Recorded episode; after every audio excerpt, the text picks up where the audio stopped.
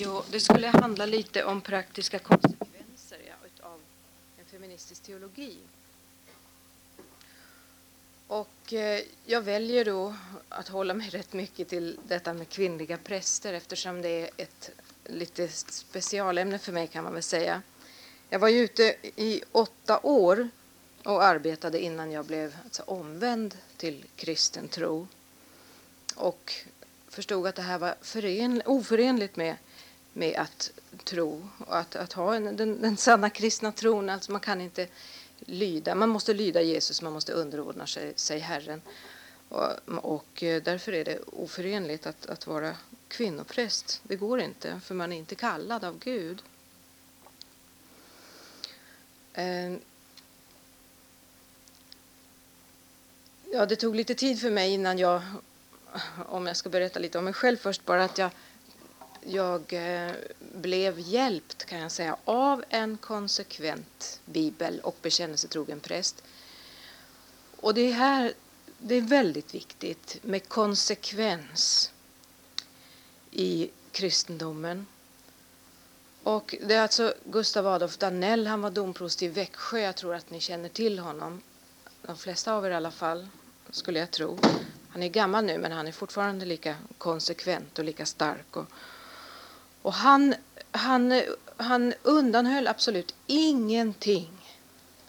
Inte faran med att bryta mot Guds bud och, och detta att Guds ord är sanning.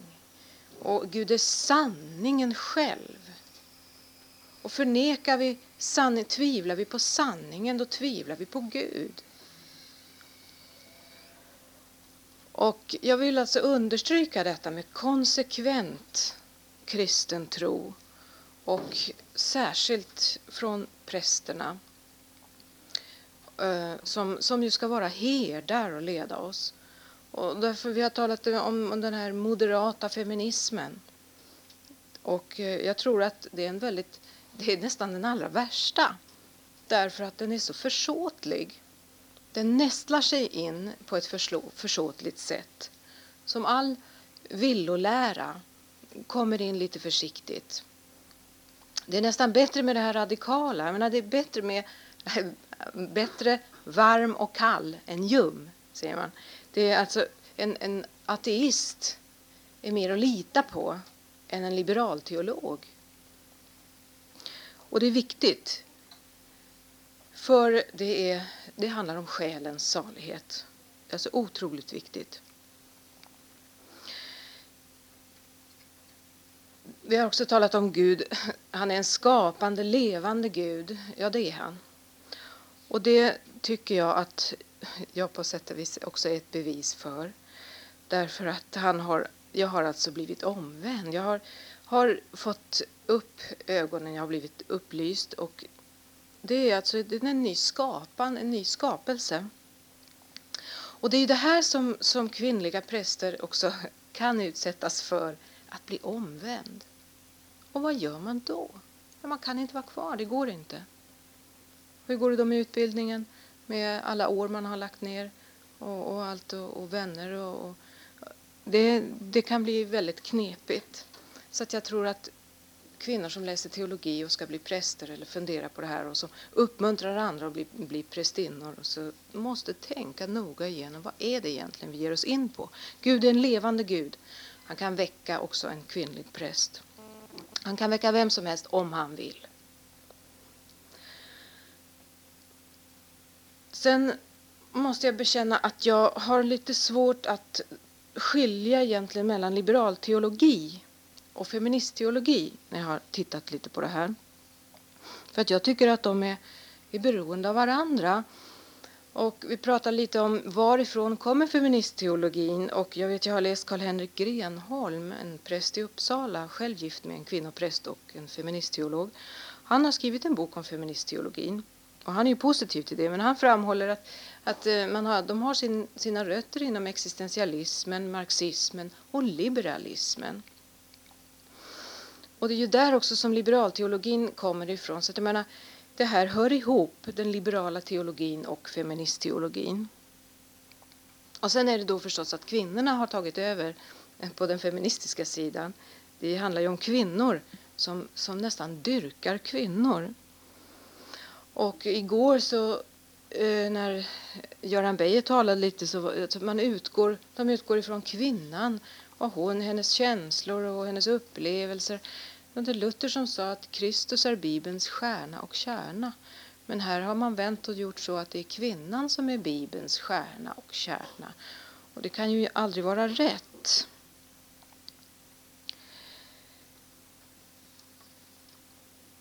Vi har ju haft liberal teologi i, i säkert hundra år och kanske mer som har in, kommit in just så här försåtligt, lite moderat. Men tagit över sen. Och eh, jag tror att utan den här liberala teologin så hade vi aldrig kunnat ha, vi hade aldrig haft, fått några kvinnopräster och vi hade aldrig haft någon feministteologi. Och nu är det ju så att feministteologin den håller ju i kvinnliga prästerna, den, den, vill, den, den stöder det här. Men ja, jag frågar mig lite, vilket var det egentligen som var först? Kvinnliga präster eller feministteologin? För att nu vill man visserligen dra ner feministteologin ner till 1800-talet och man har viss, men det där går man snart förbi och kommer sen in på 60-70-talen och det är då det exploderar, feministteologin. Eh, och jag tror att det här med kvinnans eh, själ, själv, att hon ska framhäva sig själv, ja, det är en mänsklig sak. Männen gör det också.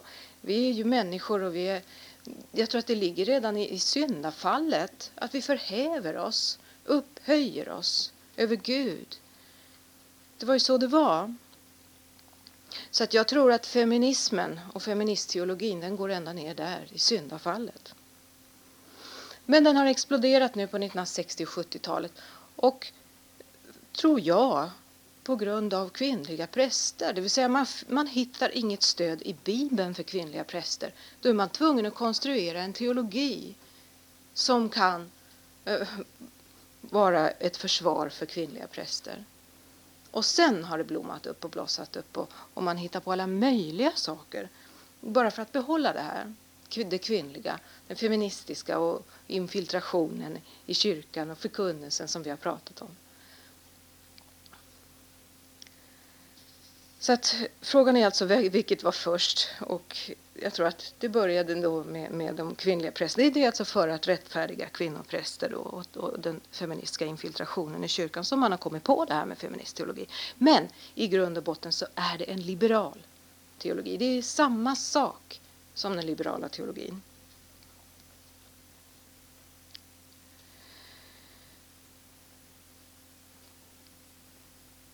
Ja... Eh, nu så finns det ju de som säger att, att de inte alls är liberalteologer. Men de kan inte se något hinder ändå för kvinnopräster. Och då frågar man sig egentligen vad de är. För att det går inte att eh, ifrågasätta Gud på den här punkten och Guds ord och vilja. Eh, utan antingen så är allt sammans sanning, antingen är Gud sanningen och då kan vi inte ifrågasätta honom. Inte här heller. Eller så ifrågasätter vi honom, men då tror vi ju inte. Då, är vi, då, då förnekar vi honom samtidigt. Så att, kan man så att säga gå med på allt av den bibeltroende församlingens krav, men när det gäller kvinnopräster, nej. Ja, då har man ju i princip förnekat precis allting. I princip och i sak har man förnekat allt.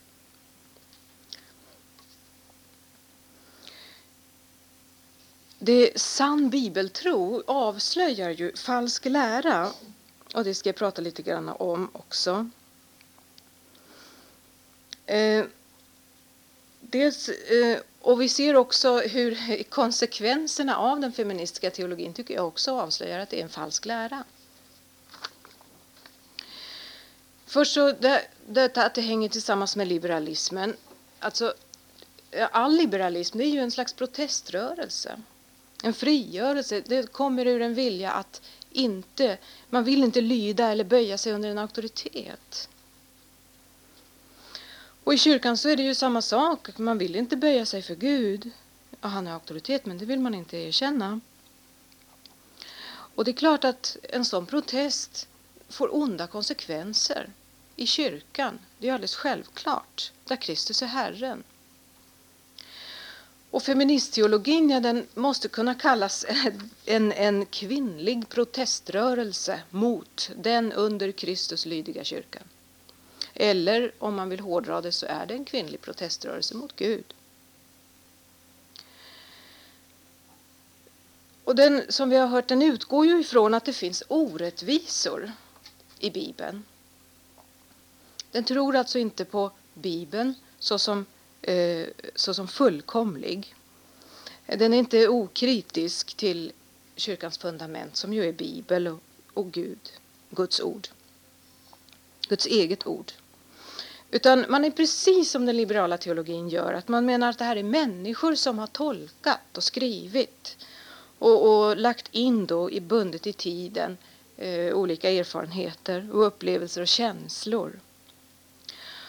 Och så använder man sig av vetenskap, historia, psykologi och fantasi och förnuft, mänskligt förnuft för att få ut då vad som kan vara sant och riktigt i Bibeln och vad man kan använda. Och så. Det är ju den liberala teologin. Och nu har vi som sagt var kanske hundra år av sån här liberalteologisk hjärntvätt bakom oss. Så att vi har inte alldeles lätt att se att det här är fel att läsa Bibeln på det här sättet. Det finns ju bara en sak som kan hjälpa oss här och det är att hålla oss till Bibeln själv, till skriften själv. Och det säger Bibeln också att vi ska pröva alla läror utifrån Guds ord. Och eh, när vi tittar då på en sån här liberal tolkning av Bibeln så är ju det inte alls en biblisk, det är inte det bibliska sättet, för här går vi ju ifrån Bibeln och använder mänskligt förnuft och annat. Så det är fel, enligt Bibeln är det fel att tolka det så. Och det är ju inte alls ett apostoliskt, det hör inte till den apostoliska kyrkan. Apostlarna använde inte alls det sättet när de nalkades Bibeln. Det var under, de nalkades under Guds ledning, Guds egen ledning. De höll inte på själva. Så att det är alltså inte den rätta kyrkans tolkningssätt, det är det inte. Och då kan man ju säga att det också är förkastligt. Vi ska inte hålla på med den i kyrkan. Det liberala sättet, varken det feministiska då eller den liberala teologin, den skulle förkastas av kyrkan. Och vi skulle, nog, vi skulle inte befatta oss med den. Den hör inte till kyrkans väsen, den sanna kyrkans väsen. Om det nu stod rätt till så skulle vi helt enkelt inte ens behöva vara här idag.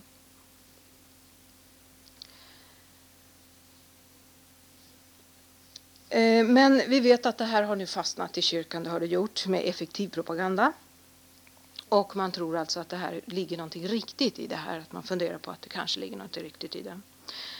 Jag vet att man ska titta, tolka lärare eller titta på olika lärare och ta ut det bästa, det goda av det. Men att förutsätta att en lärare som har felaktiga grunder skulle kunna ändå ge någonting eh, i, till, till den rätta läran, det, det måste jag ifrågasätta. Jag tror det är viktigt att den rätta kyrkan, den sanna kyrkan, en gång för alla gör upp med all typ av liberal teologi. Det är ju först då som vi kan bygga vidare på Kristi kyrka. Med Jesus blir vi starka, men utan Jesus så faller kyrkan. Och det här har ingenting med androgyn, manliga, att göra. Att kyrkan faller när mannens patriarkalismen försvinner. Det är inte alls så. Men om vi tar bort Kristus då faller kyrkan. Då har den inget existensberättigande. Feministteologin läser alltså Bibeln som en skrift som är präglad av människor och miljö. Och så ser de då att, att de flesta som har skrivit är män som har hållit i pennan. Då. Och då säger de att detta är ett patriarkalt system. Nu har det kommit nya forskningar som har daterat skrifterna ända ner till 40 år efter Kristus. Så att vi vet att mycket av det här faller just på grund av det också. Men man vidhåller ju ändå vid detta på något sätt att, att det är patriarkalt. Eh, men egentligen, det här kan vi ju inte ta på allvar i kyrkan därför att Gud är inte beroende av tid och han är inte beroende av människor, inte av miljö. Jag läste om en anglikansk biskop, han sa med anledning av det här så sa han om nu Gud hade var valde att föda sitt patriarkalt system, ja då får vi böja oss för det. Gud såg inget hinder i det. Det ska inte vi heller göra då. När vi bekänner Kristus som Herren, då vet, då vet vi också att detta betyder att han står över allting. Han är nämligen allsmäktig och han är fullkomlig. Vad säger Bibeln då om sig själv? I Timoteusbrevet kan vi läsa att där står det så här att eftersom hela skriften är ingiven av Gud, hela skriften är ingiven av Gud, hela skriften, tjänar den till att meddela undervisning, ge tillrättavisning, upprätta och fostra till ett rättfärdigt liv. Kyrkans rätta lära och Bibelns lära det är alltså att hela Bibeln är Guds ord. Det är inga människoord, det är Guds ord. Och den här biten i Timoteusbrevet tycker jag är viktig att tänka på alltid när man läser Bibeln och hitta konstigheter som man inte tycker stämmer överens. Det finns ändå någonting, det är ändå ingivet av Gud och det tjänar till tillrättavisning, undervisning, upprätta och fostra till ett rättfärdigt liv. Och bara det att vi inte förstår är ju, kan vi tänka, då fostras vi till att böja oss för sånt som vi inte förstår. Det är också bra. Bibeln är alltså Guds ord, inga människoord. Och Guds ord är ju sanning. Och det är inte bara det att det finns en viss sanning, så här som Liberalerna säger, utan Gud är sanningen själv. Det finns ingen lögn i honom alls. Han är personifierad, han är sanningen. Lögnen däremot, eh, lögnens fader, det är djävulen. Och hur ska vi läsa Bibeln då? Jo, vi ska ju läsa den då som det står. Det ska vi göra. Vi ska inte läsa in en massa saker som inte står där. Som vi med fantasin hittar på. Eller som kommer utifrån, ifrån politiker eller tryck i samhället eller vad det kan vara. Eller känslor, man mår dåligt när man hör någonting i Bibeln, jag, jag får samvetskval. Men, men vi ska ändå inte, vi måste ändå läsa det och så småningom få in det och också lagen eh, fostrar oss. Guds ord fostrar oss, lag och evangelium. Det är, är viktigt för oss båda delarna och vi får inte undanhålla någonting. Vi ska läsa som det står. Det gjorde apostlarna och vi ska tolka skriften med skriften själv. Men som sagt, liberalteologerna då, feministteologerna, de tolkar ju Bibeln fritt. De låter inte Gud leda sig utan annar, an, annat. De förlitar sig på mer mänsk, människor, mänskligt förnuft, mer än på Gud. Men då förnekar man ju Gud då. Det gör man. Och förnekar att han är allsmäktig och fullkomlig. Han har inte riktigt klarat av att hålla patriarkalismen borta ifrån skriften, tror vi. Så att vi måste hjälpa honom där. Men man förnekar helt enkelt att Gud är Gud när man förnekar att han är sann, allsmäktig, fullkomlig. Och man kan ju tänka på också hur det blir när en regissör gör en film eller en tv-pjäs och det står fritt efter den och den boken. Har man då läst boken så blir man nästan upprörd när man tittar på filmen för att det är inte mycket som stämmer egentligen. Ibland är det bara huvudpersonerna. Och det är klart det kan bli en bra historia, men det är en helt annan historia. Sen sägs det ju det också att det här med bokstavstro, det är väldigt hårt, omänskligt och människofientligt.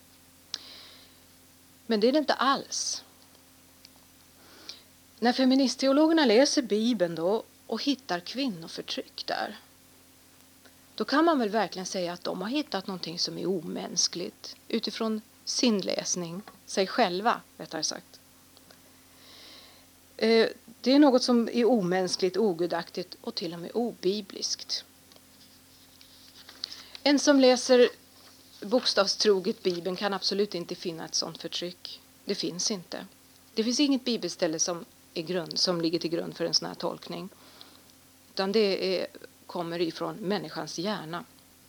Nej, Gud har skapat både kvinnan och mannen och han har för bådas skull utgivit och offrat sig själv på korset för var och en som tror.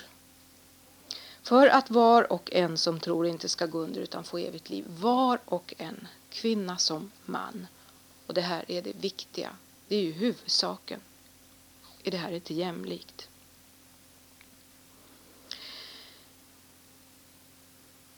Detta att lära ut att Bibeln, Guds ord, Guds heliga ord, skulle ge uttryck för kvinnoförtryck, det är att, att misstänkliggöra Guds ord inför människorna. Och det är att göra Jesus till en stötesten eller Guds ord till en stötesten för människor.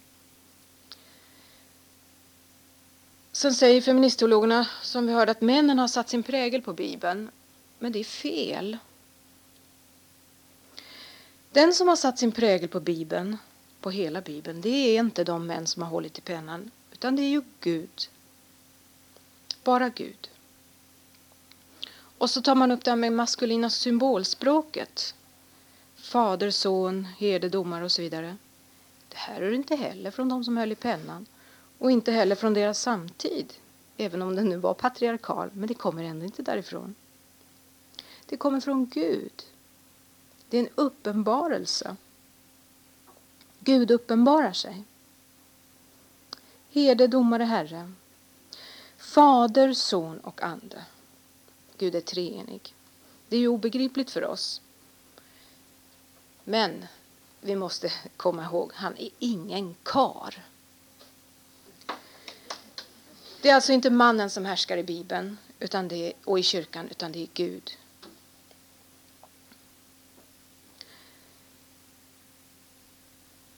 Bibelordet är ju som sagt det är andat. det är Guds heliga ande som talar där och Guds heliga ande som är levande och sann.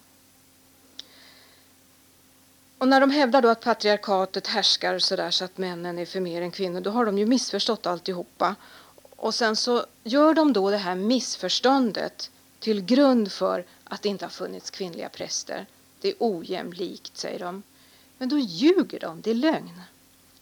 Därför att det är inte alls på grund av något förtryck av kvinnan som kvinnor inte har varit präster. Utan det beror på ett bud från Herren. Varför vågar man inte erkänna det då och säga det öppet? Jo, därför att anklagelsen för att förtrycka kvinnor och nedvärdera kvinnor det faller alltså då inte på männen utan det faller på Herren själv. Man anklagar alltså Jesus Kristus för att förtrycka kvinnan. Och det måste ju vara hädelse att göra det. Första Korintierbrevet 14, vers 34-38. Liksom i alla de heligas församlingar bör kvinnorna tiga vid era församlingssammankomster. Det är inte tillåtet för dem att tala, utan de bör underordna sig, som lagen föreskriver. Om någon gör anspråk på att vara en profet eller en andebegåvad person måste han inse att det jag skriver till er är ett bud från Herren.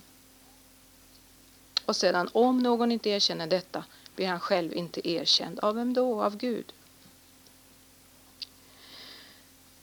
Vi ser att den här frågan om kvinnopräster som feministerna driver och som har fört in feministteologin, den är ju den är redan avgjord för länge, länge sedan, för 2000 år sedan. Och det skedde när aposteln eh, tog fram det här budet från Herren därför att man i Korint hade då äh, ville ha kvinnliga församlingsföreståndare. Och, och, här ville han alltså avfärda detta och tog fram det här budet från Herren.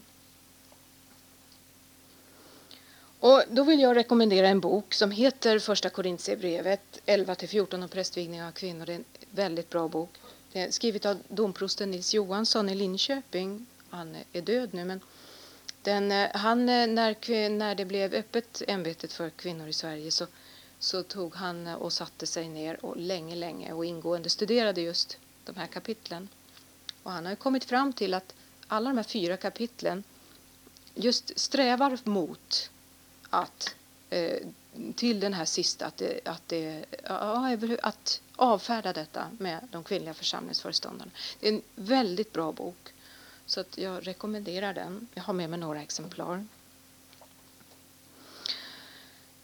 Eh, det är alltså i kyrkans bekännelseskrifter så står det så här i Concordieformen att för det första förkasta och fördöma vi alla kätterier och villfarelser som i den första rättrogna gamla kyrkan förkastats och fördömts med stöd av den heliga skrifts sanna och hållfasta grund.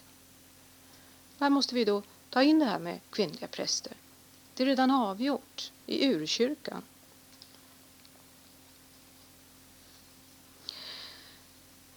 Sen får ju det här också konsekvenser naturligtvis för kvinnorna själva som är prästinnor och deras anhängare. Det är klart att man har då går emot Gud.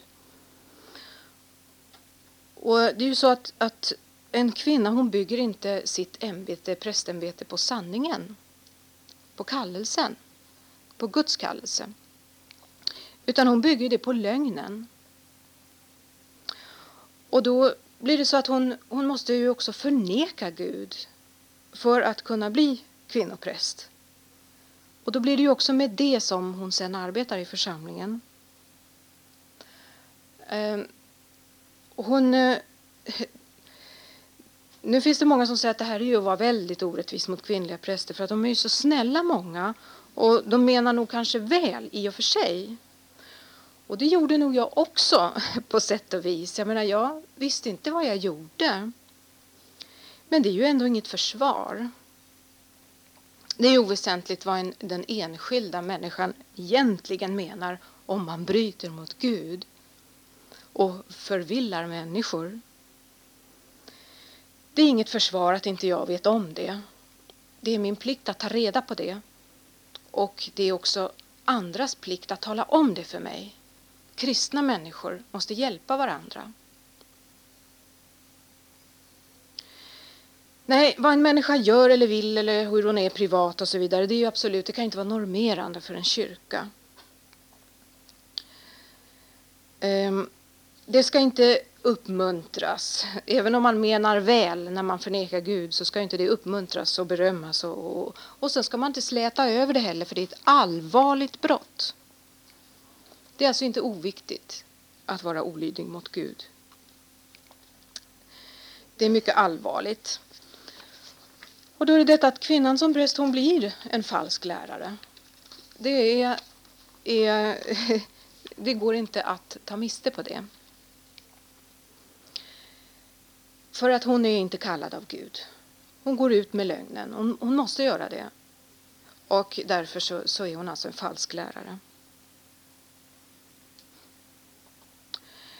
Och då blir ju då allt hon gör, för att hon, är, hon går ut på en, ett miss, misstag, så blir allt hon gör, även om det inte ser ut så, så blir det någonting ont. Det kan se bra ut, men det blir ändå i yttersta mening någonting ont. Därför att det alltid är en olydnadshandling mot Gud. Så länge hon är präst så är det så. Man kan inte förkunna Guds ord för människor utan att säga att det är sanningen. Och det går inte om man är kvinnlig präst, för man tror inte på det. Och om man säger det, då måste man ju själv lyda det. Och Gud har förbjudit, ett bud från Herren har förbjudit kvinnan att tala i församlingen, i kyrkan och vara prästinna. Så att då måste man ju hålla undan det där. Och då blir man ju en falsk lärare. För att en falsk lärare det är bara inte det som man säger utan det är det som man undanhåller också. Som man inte vågar säga för att inte stöta sig. Nej, man kan inte förkunna Guds ord rätt och rent och klart och säga att det gäller för er som lyssnar på mig nu men det gäller inte för mig.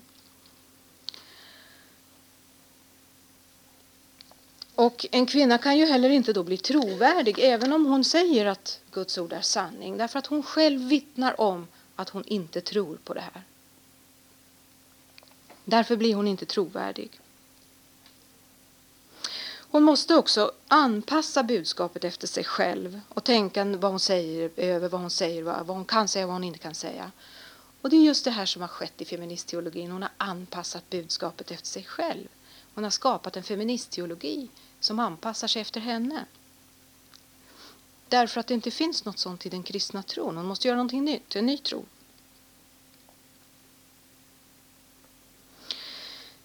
Men det är också viktigt att en kvinnopräst blir, förhåller sig okunnig om vad hon håller på med. För att så länge hon är okunnig så kan hon fortsätta.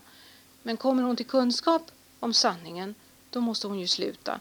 Så att hon, hon måste hållas okunnig. Och det måste man ju också förstå att det här får konsekvenser för hennes församling.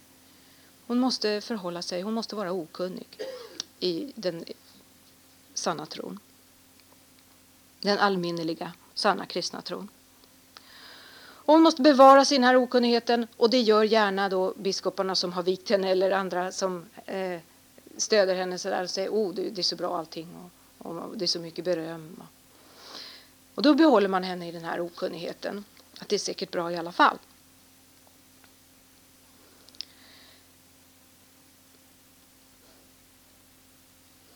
Eh, för att människor ska komma till tro, för att människor ska komma till tro så behövs ju kunskap om sanningen. Och man ska kunna lära känna Gud och om man ska kunna tro på Kristus så måste ju Guds ord predikas rent och klart. Vi får inte hålla bort saker. Vi måste säga sanningen. Och det är lag och evangelium, lika klart. Och att stå i vägen då som man gör när man är kvinnopräst för att Guds ord ska kunna predikas rätt till människors frälsning det är ju någonting ont. Då hindrar vi ju detta. Då står vi i vägen för människors frälsning. Det är mycket allvarligt. Och vi står i vägen därför att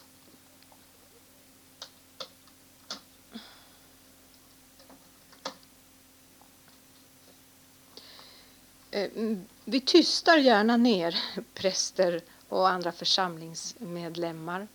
Finns det en kvinnlig präst med i församlingen så är det ingen som vågar säga någonting. I missionsbefallningen säger Herren gå ut och lär människorna allt vad jag har befallt. Inte bara en del, det där som inte är stötande, utan allt. Och för den, om, den omvända människan som tror på Jesus och som känner honom, då blir det också naturligt att vilja lyda Jesus. Alltså, trons frukt är lydnad, men otrons frukt är olydnad. Alltså är en kvinnlig präst inte omvänd.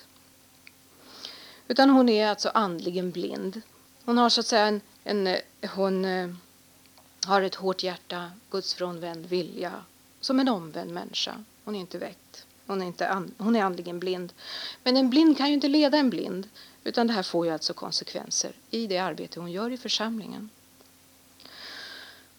En annan sak som är väldigt praktisk, eller som man kan se väldigt tydligt, det är ju till exempel om man möter en manlig präst på gatan eller var, eller var man än möter honom. Om han har kragen på sig eller kommer i kaftanen, då, då kan man ju inte se om han är omvänd eller oomvänd, för det finns ju oomvända manliga präster, många. Men, men man kan inte se det när han kommer i sin krage, utan han, han vittnar på något sätt. Jag blygs inte för evangelium. Han vittnar om, om Kristus, om tron, när han kommer. Och, eh, men, men kvinna är det annorlunda. När man ser en kvinnlig präst i krage då vet man att detta är ett tecken på otro. Det är ett tecken på olydnad mot Gud och det är också ett tecken på förnekelse. Och dessutom är det nästan dumhet, jag säger det, därför att hon villigt demonstrerar det här öppet för människor, för alla människor, för Gud och alla människor. Precis som om det skulle vara något föredömligt att i kyrkan framträda i otro, olydnad mot Gud. Ja, ni kanske tycker att det är hårt att säga så här, men det är sant. Och jag vet, jag har själv varit en kvinnlig präst, jag vet vad jag talar om. Och jag tror också att ni, om ni tänker efter, reagerar på det här sättet när ni möter kvinnopräster i någon typ av prästkläder. Jag är säker på det. Och eh, när jag kom till insikt om vad det här betydde, eh, kläderna bara, så skäms jag fruktansvärt över att ha, ha gått på det här sättet. Och jag har väldigt svårt att se mig på bild när jag har, har de här sakerna på mig. Jag skäms. Och det säger aposteln att det är en skam för en kvinna att, att uh, tala i församlingen. Hur rätt har han inte?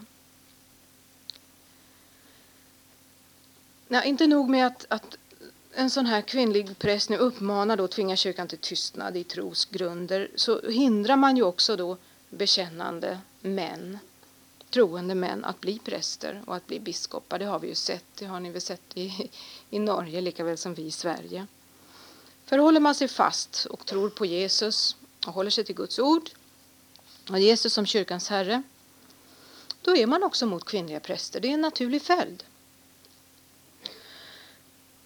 För man vet vad Jesus har befallt och vet att kyrkan måste tro och lyda bara honom. Vi kan inte rätta oss efter människor, vi måste bara rätta oss efter Gud. Men kommer då en sån här och vill bli präst eller söker en tjänst eller ska bli biskop, det går inte. Först erkänn kvinnliga präster. Att erkänn att kvinnan har rätt till prästämbetet, annars är det stopp. Och det är därför vi har de biskopar vi har. Säg titta nu, alla, alla biskopar viger kvinnliga präster. Ja visst, det är klart. Det är ju ingen annan som får bli det. Ingen annan kommer så långt. Och det är samma i undervisning på fakulteterna, det är överallt så har det här trängt in. Ingen bibeltro, ingen fast tro. Erkänn det här först. Och då har vi erkänt det så har vi också förnekat allt annat.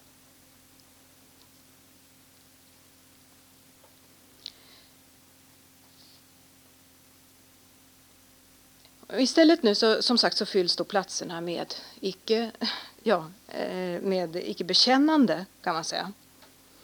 Eh, så här som vänder sig, vänder kappan efter vinden, som inte vågar, inte törs, inte har något mod. De är alltså människofruktan. Och då kommer också alla falska lärare in. Det blir ju inget hinder. För falska läror när vi inte kan hävda Guds ord längre utan allt tas in, precis allting.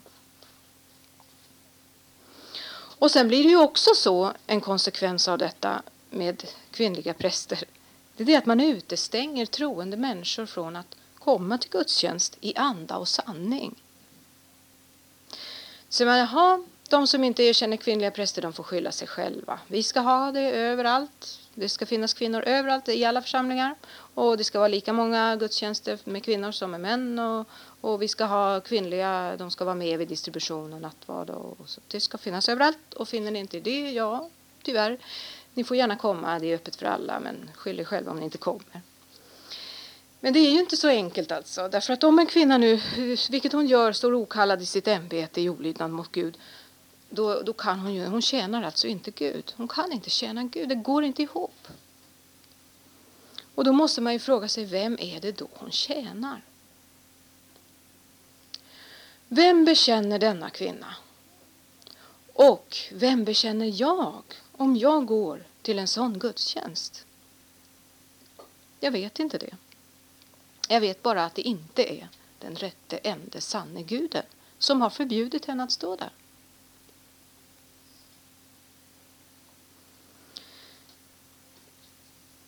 Vi talar ju om särskild kallelse när det gäller prästämbete och det här är ju då grundat i skapelsen. Vi hörde hur könen betraktas som roller, alltså man föds inte till kvinna utan, eller man utan man blir uppfostrad till det. Uh, och uh, alltså en upphävning av skapelsen. Men Eh, om vi håller oss till skapelsen så är det nedlagt i skapelsen detta mm, olika kallelser. Vi är olika. Eh, Jesus han kallade också apostlarna och de var män. Han gav dem binde och lösenyckeln. Och det var också bara de som var med då vid nattvarden, eller när nattvarden instiftades vid den sista påskalandsmåltiden. Fast vi vet att en sån måltid så fick ju både kvinnor och barn och alltså man var, alla var ju med vid en sån måltid. Men här gick man avsides, Jesus och hans lärjungar. Och det var tydligt då att han ville ge det här vidare, förvaltningen av sakramenten, nattvarden. Och att Gud då har bestämt herdämbetet för mannen, ja, men det får vi ju böja oss för. Är det dessutom belagt med förbud av Herren själv, ja, vi måste böja oss för detta. Och då får vi lära oss att pröva här alltså vår egen lydnad mot Gud, vilket är eh, viktigt. För lydnaden det är ju en förutsättning för en rätt uppfyllelse av kallelsen, för att vi ska förvalta kallelsen rätt. Och det gäller alla kallelser ifrån Gud. I försam vi ska arbeta i kyrkan och församlingen eller bara vara kristna så är det viktigt att vi lyder Gud och inte hittar på egna saker och går ifrån honom. Så att här får vi ju pröva vår lydnad och det är bra. Det är omistligt, det är ovillkorligt denna lydnad. Det är förutsättningen för att kunna uppfylla kallelsen till Guds ära och inte min egen. Och det särskilda prästämbetet är alltså inte något undantag utan det måste gå in under, under Gud. Nu har ju kvinnan också en särskild kallelse. Och det är viktigt att, att tala om den också. Och det är inte alls detsamma som mannen. Och den är också nedlagd i skapelsen. En helt annan kallelse och det är moderskapet. Och det är ju inte svårt att se hur viktigt det är. Det är inte svårt att konstatera att utan mödrar så skulle vi ju inte finnas någon av oss. Så viktigt är det. Det är förutsättningen för livet på jorden. Och Gud har givit kvinnan ansvaret att i sin kropp bära den nya skapade människan intill dess att den föds. Och när en kvinna bär sitt barn i moderlivet då kan vi säga att det är också en bild av när en påminnelse om hur jungfru Maria bar Jesus. Och när barnet föds så påminner det om när jungfru Maria födde Jesus. Och barnet är också ett påminnelse om vad Jesus var en gång. Skulle nu jungfru Maria ha blivit den för kyrkans viktiga, saliga kvinna som hon faktiskt har blivit, om hon som dagens feminister skulle ha krävt fri abort, eller om hon hade avsagt sig vårdnaden om Jesus och gått ut på arbetsfältet för att förverkliga sig själv? Och hade lämnat Jesus till Josef, då kan det ju hända att det hade varit Josef då som vi hade fått se på bilderna i kyrkan, helgonbilderna i kyrkan med Jesusbarnet i famnen. Och vad hade dagens feminister sagt om det? Mm. Jesu moder Maria hon nedvärderade inte alls moderskapet som man gör idag, just utifrån en feministisk rörelse. Utan hon visste att det här det var givet av Gud och det fordrar ett stort ansvar. Och detta har Gud behag till. Det är en kallelse. Nej, jungfru Maria hon föraktade inte sig själv och sin, sin kvinnlighet och sitt moderskap. Utan hon gick in i sin rätta av Gud ordnade kallelse och hon var honom lydig. Se, jag är Herrens tjänarinna, inte Herrens härskarinna. Jag är Herrens tjänarinna. Nej, hon var ingen apostel och hon behöver inte vara någon apostel heller. Utan hon hade sin kallelse redan innan Jesus kallade sina apostlar. Av jungfru Maria så föds hela världens ende frälsare. Det är jorden. Är inte det fantastiskt? Så är ju moderskapet helgat. Det finns ingen människa, ingen man, ingen människa någonsin som har blivit så hedrad som Maria blev. Men vi måste komma ihåg att hon bara är en vanlig kvinna. Hon är en vanlig människa. Hon är ingen gud. Hon kan inte frälsa oss. Men hon blev hedrad och hedrad som ingen annan. Nej, kvinnan behöver inte vara apostel och inte behöver hon bli präst heller. Hon har en kallelse och den är nog. Och denna kallelse den visar oss i tro och lydnad Jesu egen mor. Hon är vår förebild. Trons förebild. Att somliga kvinnor nu förringar den här kallelsen då och hellre vill vara män, det får ju stå för dem. Men jag ska nämna vad en kvinnlig präst sa i tv så sent som i höstas. Det var ett program om det här med kvinnor och idea, eh, bilder i kyrkan, kvinnliga förebilder i kyrkan. Då sa, sa hon så här då att ja, vi vet att Jesu mor Maria hon var ju underordnad och ödmjuk och hon var lydig. Men, sa hon, jag tror inte att det är en sån förebild som vi kvinnor behöver. Sagt alltså av en prästinna i den svenska kyrkan. Sen har vi då också en annan konsekvens av den feministiska teologin som också hör ihop med kvinnliga präster. Det är ju jämställdheten. Eh, man har fört in så att säga jämställdhet mellan könen i kyrkan och det är nästan ibland rörande. Man sitter och, och, i en gudstjänst så kan man nästan tänka Jaha, då var det då en manlig som läste den texten, då vet man nästa gång blir det en kvinna. Ja. Och sen, då måste det bli en man igen då för det ska vara rättvist. Och, och, är det då, och, och sen delar de upp kollekt och allt sådana här, det ska vara precis lika. Och, och, det där kan man sitta och studera ibland när man går i kyrkan. Eh, men eh, det, är, det är ju på det här också som man bygger det kvinnliga prästämbetet så att säga, att man, man grundar det då på jämställdheten. Och, och, och så. Och eh, då frågar man sig, har det här verkligen något värde för den kristna kyrkan? Nej, det tror inte jag. Utan jag tror att det har eh, förödande konsekvenser för egentligen alla kristna. Det är klart att man världsligt sett kan jämställa människor ute i samhället och så. Det, det är möjligt och det, det, kan man göra och visst. Men i kyrkan, jag tror inte alls det har något värde för kyrkan. Nu det här med förutsättningen alltså att det skulle då ligga jämställdhetskampen, det här kvinnor ska vara jämställda män, ja då ska de vara präster. Och det är då alltså ett förtryck av kvinnan som man utgår ifrån i Bibeln.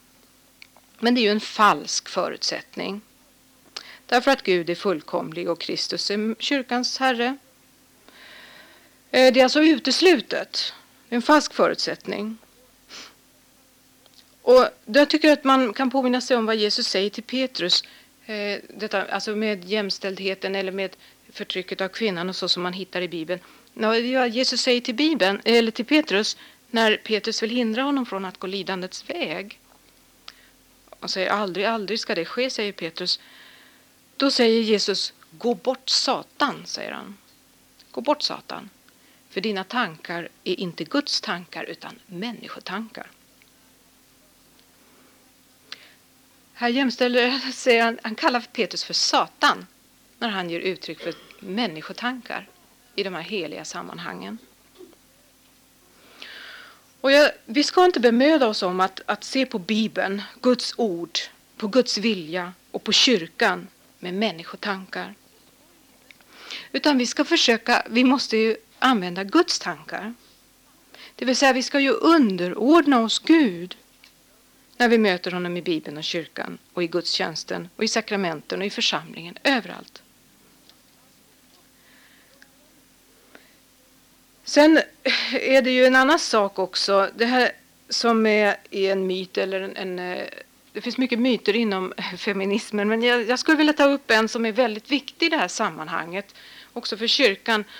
Och det är ju det att, eh, jag menar man talar om att kvinnan är så väldigt fredsvänlig. Vi har ju då, eh, vi har en, en eh, i Sverige har vi en fredspräst och det är ju då en, en kvinnlig präst förstås.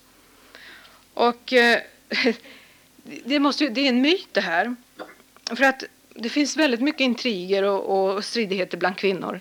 Det förnekar vi inte. Och eh, kvinnor kan också förtrycka män, sina män.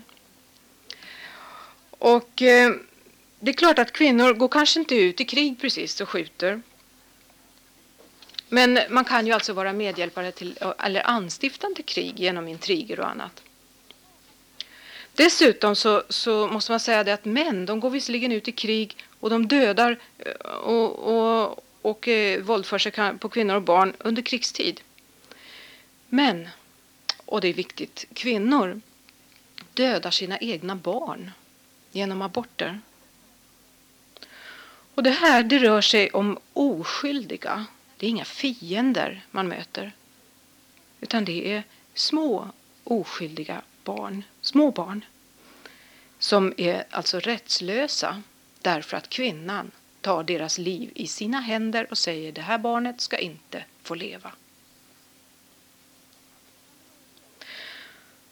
Och här tycker jag att man kan tala om, jag menar det finns många förtryckta människor i världen. Det är inte bara kvinnor som är förtryckta, det finns både män och, och kvinnor och barn. Och, och eh, men är inte det här ett förtryck ifrån kvinnan? Att dessa barn ska vara rättslösa. Jag menar, har man... Det säger att kvinnan ska ha rätt till sin egen kropp. Ja, men har man rätten att bestämma över sin egen kropp då har man också rätten att förhindra att ett barn blir till. Men där gäller ju andra saker. Där talar man om fri sexualitet som en rättighet. Men konsekvenserna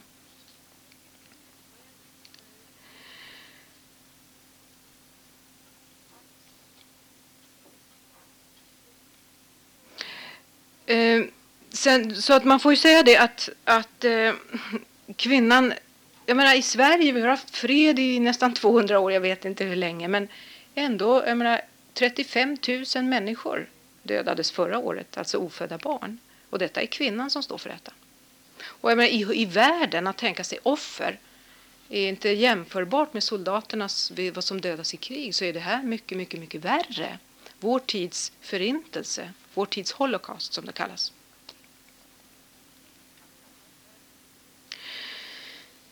Nej, jämställdheten mellan kvinnor och män och könen, jag tror att, att det är någonting som kyrkan egentligen inte ska lägga ner någon tid på. Det har egentligen inte något värde för kyrkan utan nästan tvärtom. Det väcker alltså misstro. Precis som om det inte skulle vara jämlikt, som om Gud inte skulle klara av att göra, att vara jämlik, göra jämlikhet. Nej, det är inget fel på jämställdheten i kyrkan. Det är inget fel på jämställdheten mellan könen, mellan kvinnor och män, inte bland kristna bröder och systrar. Visst är vi människor, vi lider av all sorts synd och brist. Vi vet det.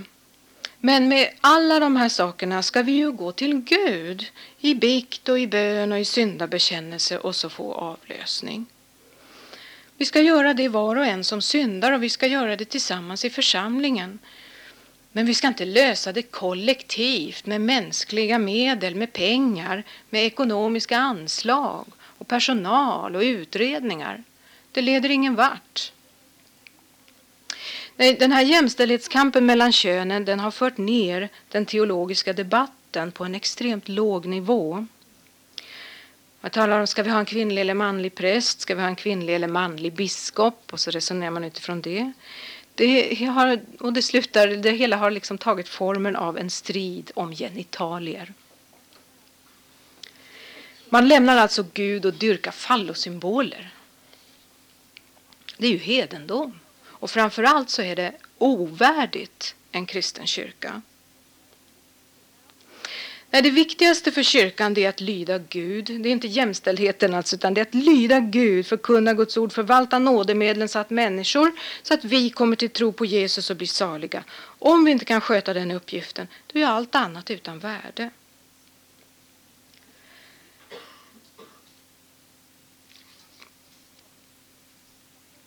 Ja, alltså detta med jämställdhet, att öppna prästämbetet för kvinnor, det har fört med sig för att sammanfatta.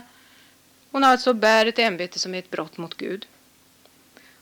Och då blir hon alltså bunden i sin tjänst till händer och fötter av den synden. Som då är olydnaden på det viset. Och då skriver Jan Redin, en, en svensk präst, i, en bok i, som heter Kvinnan i kyrkan. Han inleder den boken med att säga att om man för alltid ska hindra kvinnan från att göra något värdefullt i kyrkan då ska man prästviga henne. Och det är ju sant. Därför att hon är ju så bunden av denna otro och olydnad, så okunnighet som hon måste hålla sig inom så att hon kan inte göra något värdefullt. För allt hon gör blir, det blir ont. Hon bär ju då vittnesbörd om sin egen otro i kraft av det här hon har. hon söndrar kyrkan och det ser ni ju med denna nya kvinna som har kommit i förrgår. Det blir en, en söndring mellan alla kristna. Hon gör Jesus till stötesten för de svaga. För hon hävdar ju då att han förtrycker kvinnor eller att hans ord inte är sanning. Nej, när kyrkan vaknar upp ur den här sömnen och vänder om till Gud, vilket den kommer att göra en dag, då ska, kommer säkert kvinnliga präster att betraktas som ett av kyrkans mest förödande misstag. Och de, dagens kvinnliga präster och de som är och har varit kvinnliga präster, de kommer att, att framhållas som, eh, som eh, varnande exempel. Och ställas som detta, alltså för kommande generationer. Kanske förhånas och förlöjligas också.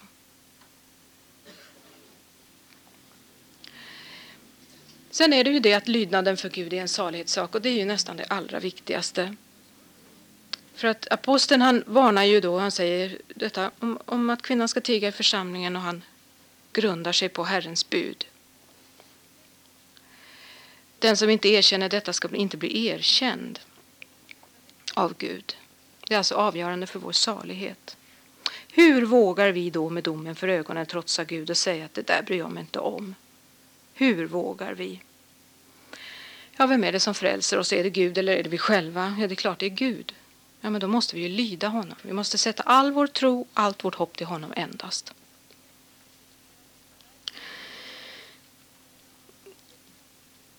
En annan konsekvens, alltså olydnaden mot Gud, det visar sig ju också i att människan har velat då upphäva det här med skapelseordningen. Jag var inne på det förut.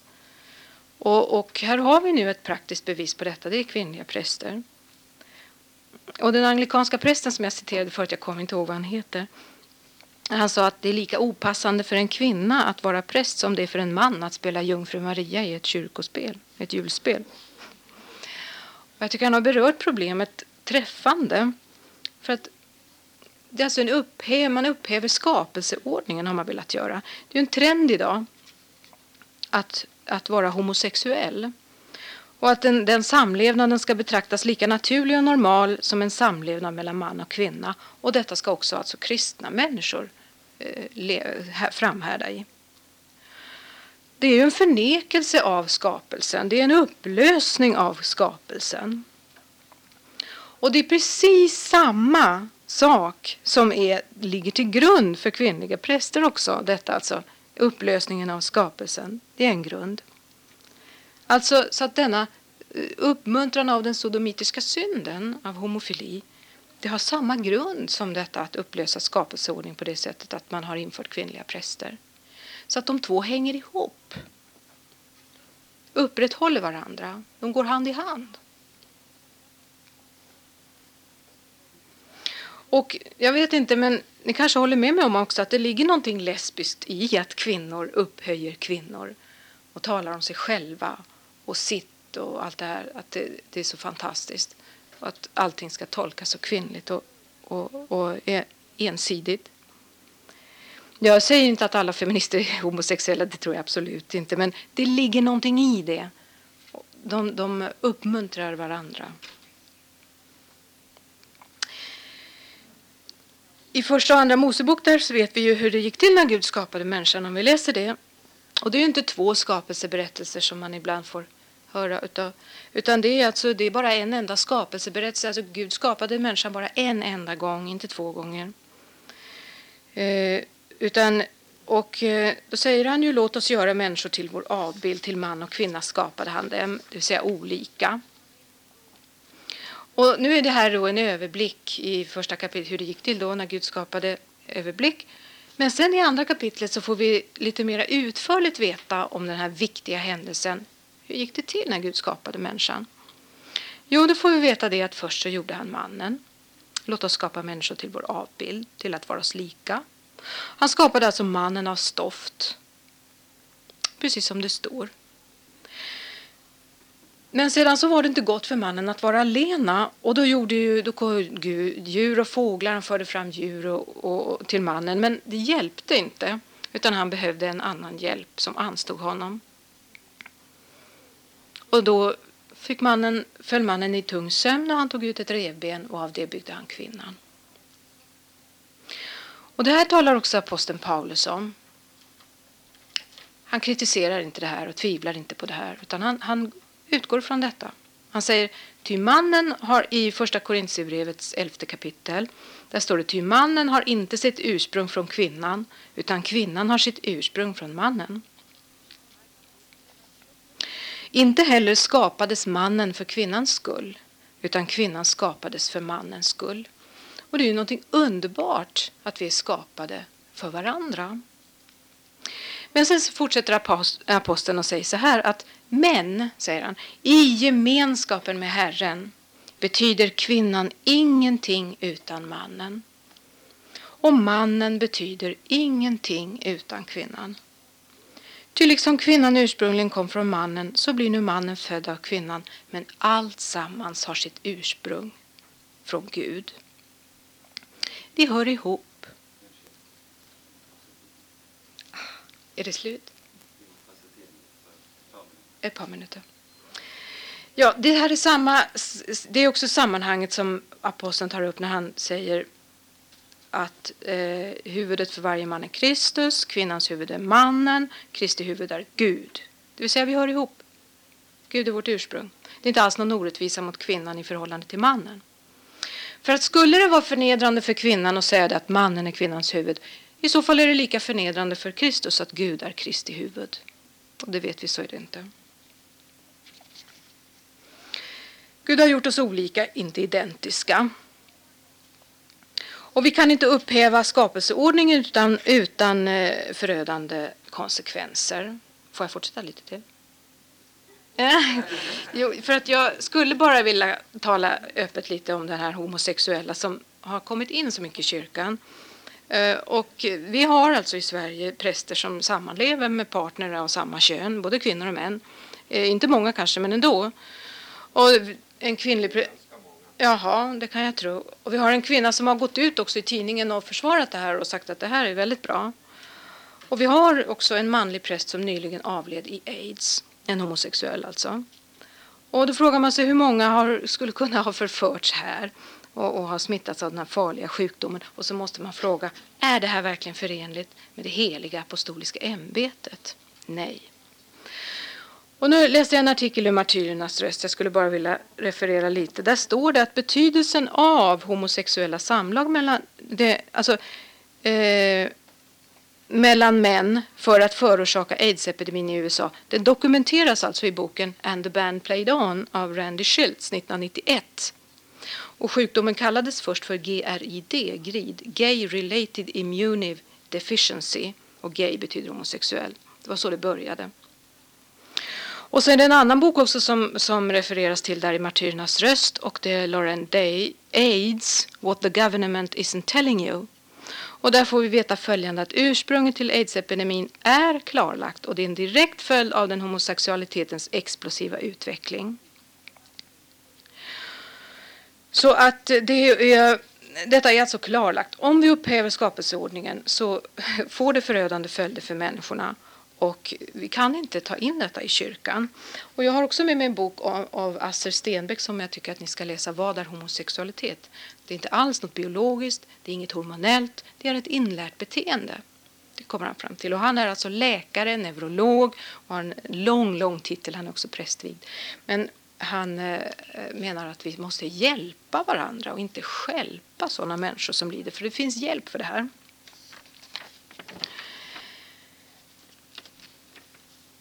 Ja, jag kanske ska sluta här då. Så att vi får